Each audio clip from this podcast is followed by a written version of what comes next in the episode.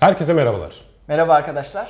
Bugünü sabırsızlıkla bekledik çünkü Black Mirror'ı izledik bayram tatilinde. Tatil dolayısıyla da program yapamadık. Şimdi Black Mirror konuşacağız.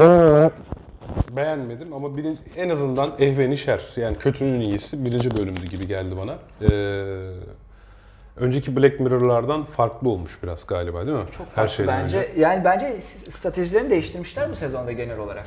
Ne gibi? Yani bölümler çok değerli topluydu. 3 bölüm. Üçü de en minimum 65 dakika. Çok değerli toplu. Olay örgüsü gayet sakin, başı belli, sonu belli. Ve zaten ben ikinci bölümü bitirdiğim an onu anladım. Yani ilk faz, ilk başta Black Mirror nasıl çıktı 2011'de? Biraz daha böyle teknolojiyi takip eden gençler, biraz daha nasıl diyeyim bu yuppie dediğimiz insanlar. İşte yani bu ma- Yuppie mi beyaz- diyoruz ya? Yuppie diyoruz. Beyaz yakalı hani Y kuşağı, Z kuşağı daha Aa, böyle. Ben Yuppie miyim mesela?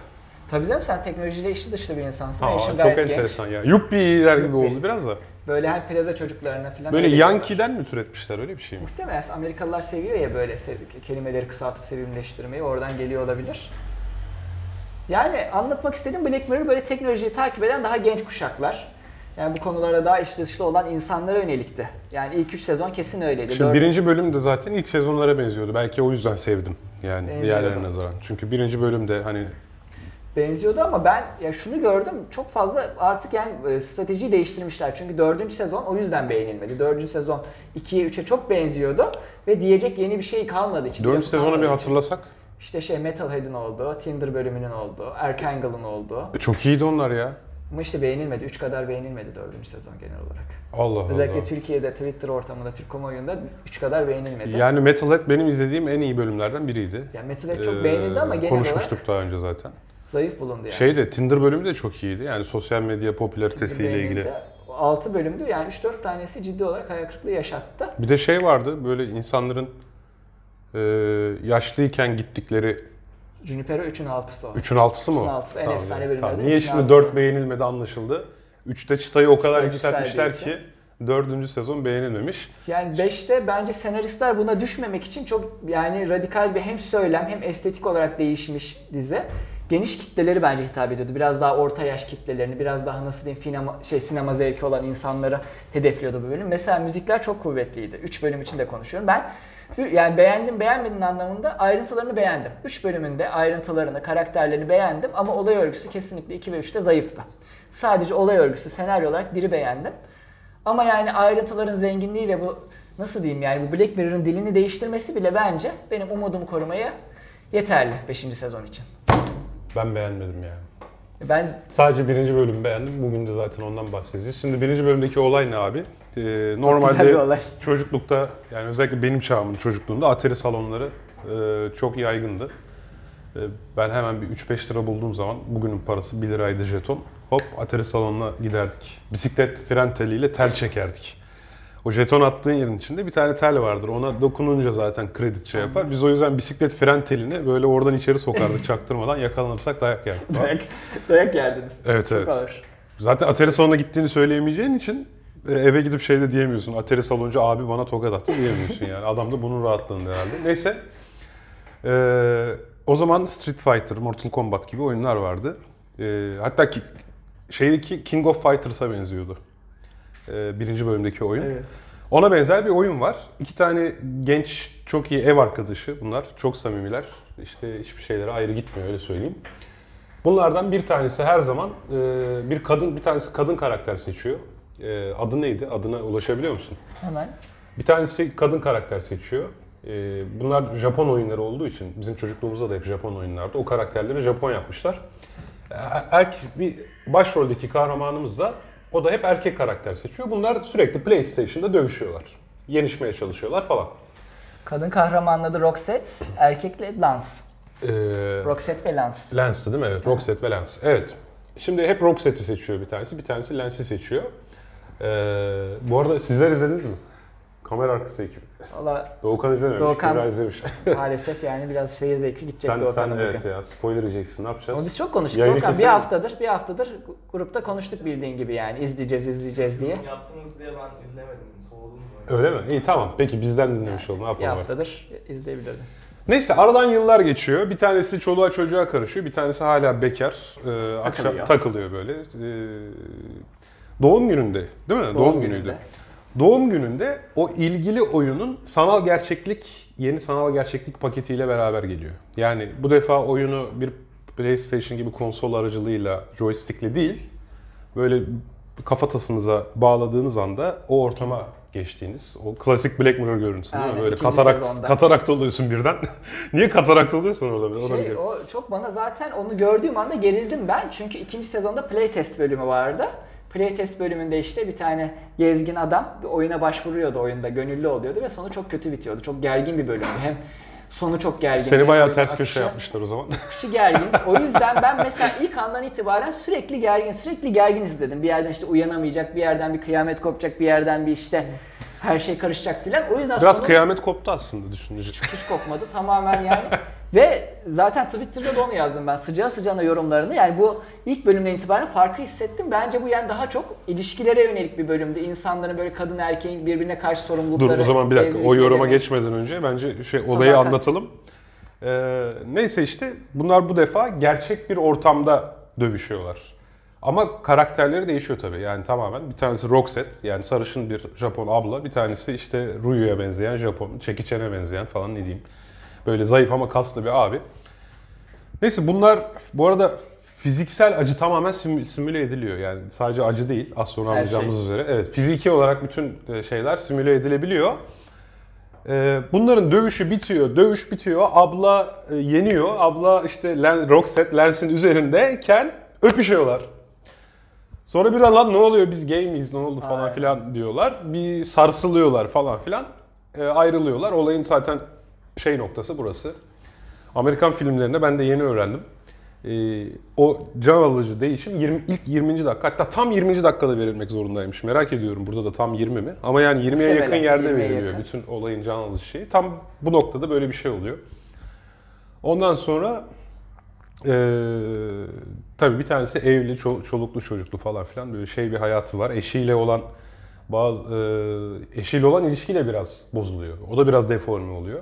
Adam bunun vicdani ve suçluluk şeyiyle yaşamaya başlıyor. Yani burada iki şey var birincisi hani eşimi aldattım mı? Aldattım Birinci soru. Onu Bu bir aldatma mı?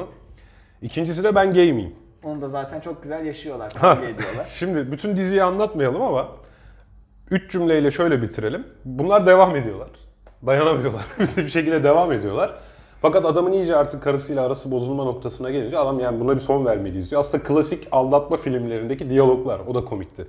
Çok Diyalog şey diyaloglar, böyle yani buna devam edemeyiz. Benim bir eşim var, evliliğim var falan diye. Ee, ama ötekisi ısrarcı oluyor, yalnız olan tabii. Yani gene bunlar klasik aldatma filmlerinin teknolojik olarak dönüş dönüşüme uğramış halleri.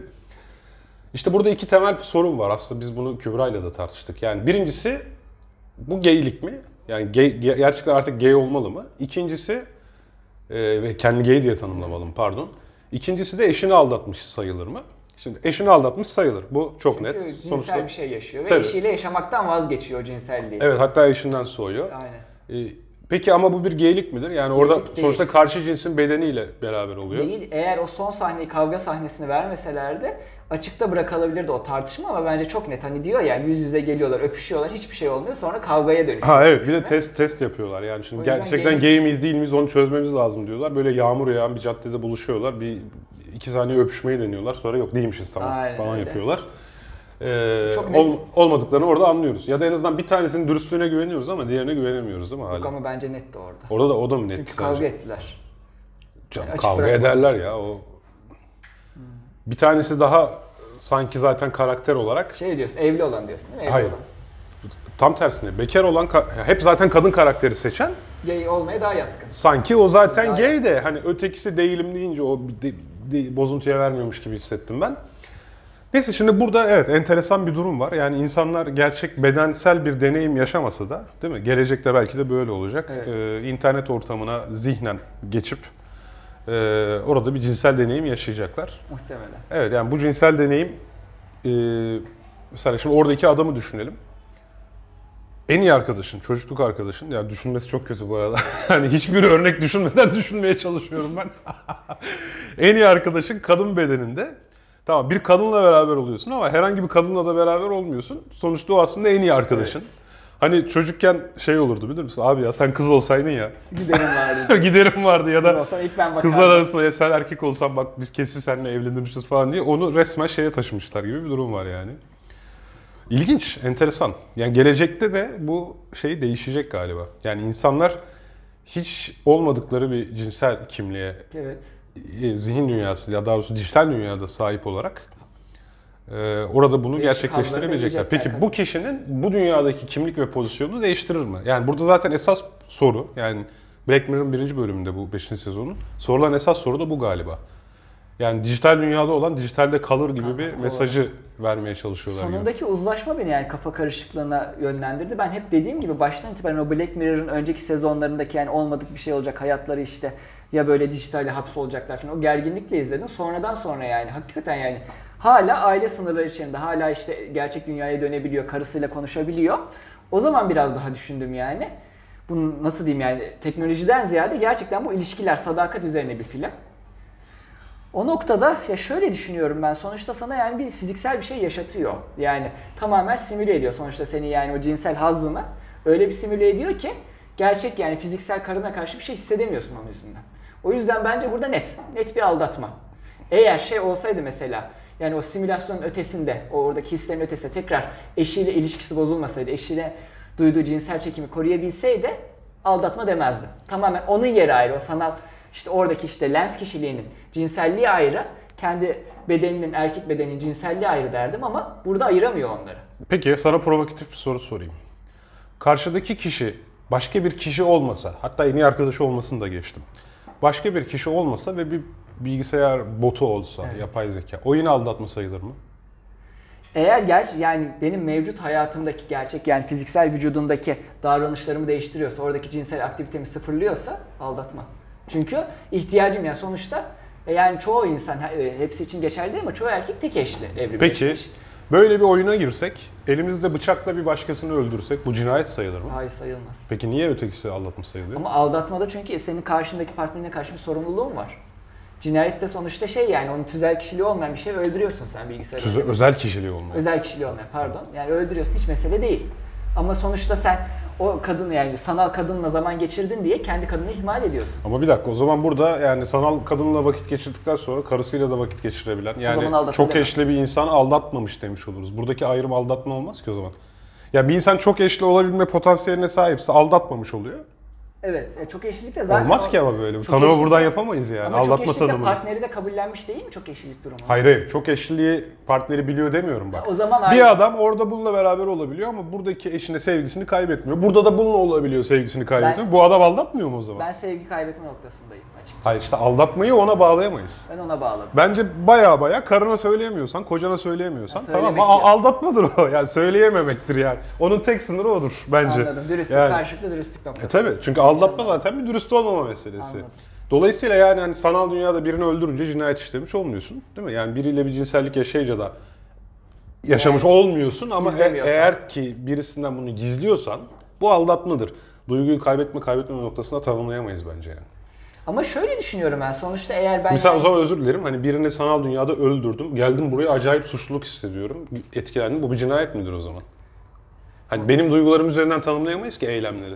Ama şey olacak düşünüyorum yani aldatma olumsuz bir olay. Neden olumsuz? Çünkü kadına karşı kad- yani senin eşini, partnerini yarı yolda bırakıyorsun. Ya sadece kadın zaman. erkek diye ayırmamak için İşte yani evet, partnerini yarı yolda bırakıyorsun aldatma durumunda ama eğer bırakmıyorsun.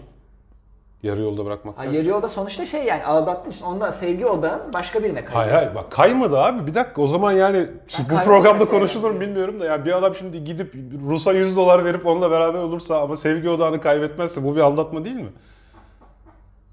Ya burada biraz daha ya ama yani yarından Tevfik- hikayelerde neler konuşuyoruz yani. Tevfik şimdi çok öznel oldu ve herkesin ilişki dinamiğinde farklıdır bunun tanımları. Bence, Bence abi aldatma yapamayız. bak aldatma birini kandırma demek. Kandırma. Yani birinden birine sa- sadakat yani Tamam. sanal bile olsa kimseyle beraber olmayacağım sözü vermişsin tamam, mı? Kandırma. Tamam. Ama bu sözü bozmuşsun ama o kişiye söylemiyorsun. Haklısın. Şimdi bu biraz daha yani biraz öznel oldu. Herkesin yani ilişki anlayışı farklıdır. İlişkide yani partneri e, aldatma tanımı da farklıdır. O yüzden bence biraz daha bunu şey Ya açısından aldatma çıkaralım. söz verdiğin bir şeyi yapmamak Tamam o yani. konuda haklısın. Hak veriyorum sana. Sadakat sözü vermişsin, tutmamışsın. Yani zaten eşin partnerin sanal alemde yaşayacağın bir şeyi aldatma bence değildir diyorsa bunu söylersin. Ha ben dün gece Roxette'le beraber oldum dersin. Yani tam Senin çok ütopik tamam ama- da yani. Ben biraz daha burada ilişki odaklı düşünmekten yanayım. Yani çok öznel bir konu oldu. O yüzden açıkçası... Abi kendi reklamını kötü yapıyorsun bak. Sevgi odam değişmedikçe aldatmış saymam kendimi gibi bir şey demiş oluyorsun.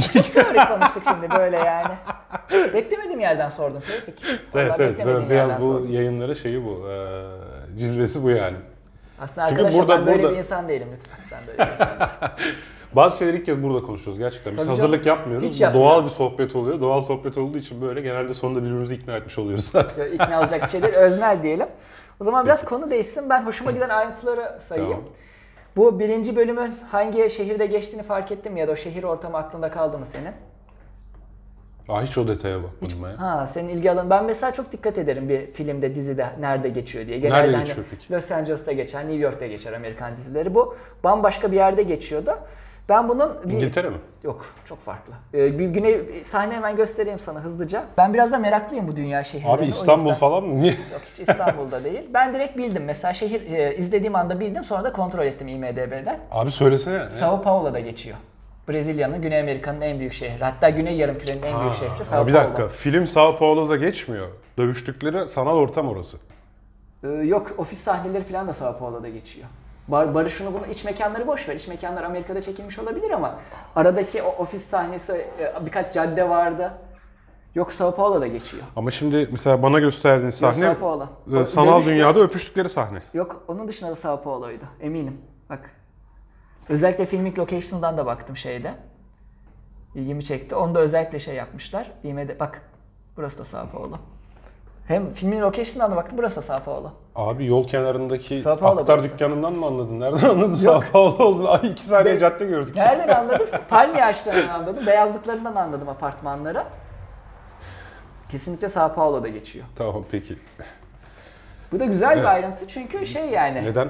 tamamı şu farklı bir Güney Yarımküre'de yani Güney Amerika'da, Brezilya'da hiç alakası olmayan bir ortamda geçmesi. Mesela Bandersnatch Londra'da geçiyordu. Çok bence yani olan bir Neredeyse lokasyon. bütün Black Mirror'lar İngiltere'de geçiyor yani. Amerika'da geçenler de vardı. Var mı? Şey Kanada'da geçiyordu mesela dördüncü sezonda. Şey İzlanda'da geçiyordu. Seri olarak katil olduğu annenin bölüm. İzlanda'da geçen bir bölüm var. Ha, ha, evet, doğru, doğru, Özellikle bakmıştım onun location'a. Böyle değişik şehirler seçiyorlar. Bu da bence çok güzel bir mesaj. Çünkü Black Mirror bir İngiliz halkının, Amerikan halkının hikayesini anlatmıyor. 21. yüzyılda işte insanların hikayesini anlatıyor ve 21. yüzyılda insanların hikayesini anlatacaksa Afrika'dan da anlatacak, Avustralya'dan da anlatacak. Güney Amerika'dan da anlatacak. Bir ayrıntı daha bu dizide hoşuma, bu bölümde hoşuma giden. Bütün karakterler siyahiydi. Hepsi. Hepsi siyahi. Bir tane bile beyaz yok, bir tane bile Çinli yok. Bir tane bile Şeyler hariç, sanal karakterler sanal hariç. karakterler hariç, gerçek karakterlerin tamamı. Dikkat ettim o doğum gününde konuşulan eden yani iletişime geçti. Hepsi siyahi. Hiç hiç şey yok. Orada da hani Hollywood'da son yıllarda çıktı ya bu yani ırkçılığa karşı şey tepkiler. Mesela Moonlight 2017 Oscar alan film. O da tamamen kadrosu siyahi oyunculardan oluşan bir filmdi. Yani Hollywood'da bu şu anda şey bir yani yükselen trend. Bu e, eskiden 50-60 yıl önceki haksızlıklara rağmen şu anda siyahları onu onurlandırmak için öyle bir mesaj sezdim bu bölümde de ben. Tamamen siyah Evet. olması. İlginç. Valla ne diyelim o zaman? Benim diyeceklerim bu kadar. Yani güzel ayrıntılar, güzel bölüm, sürprizle. Ama şey noktasında aldatmanın tanımını bence ilişkiler yapmalı. Bu konuda ben son cümlemi... Hayır abi ilişkiler yapmalı değil ki. Yani ilişkide Birine yalan kişi- söylüyorsan aldatmadır. Bunun başkası yapacak diye bir şey İşte yok ki. Aldatmak zaten söz... Nasıl yani? Yani iki kişinin ilişki dinamiğinde neyin aldatma, neyin aldatma olmadığına kendileri karar verirler. Hayır abi neyi affedip affedemeyeceğine karar verirler. Yani zaten affet- aldatmak ta- tanımı belli bir cümle. Yani Tamam affetme o zaman. birine bir söz verip ağırlığı. tutmamaya aldatma diyoruz yani. Ama Hani ya- yemek yemeye ilişki kendi anlamlarını versinler ilişkilerde gibi bir şey yok. Yemek yemek ağız yoluyla bir şey alıp onu yutmaya diyoruz yani. affetme doğru. Yani neyse. Çok öznel Peki. oldu o yüzden şaşırdım ben yani bu kadar öznel olmasını beklemiyordum bu konunun. Tamam peki o, o zaman e, Gelecek bölümlerde bir dahaki bölümde 2 ve 3. bölümü konuşacağız. Görüşmek, görüşmek üzere. üzere, hoşçakalın.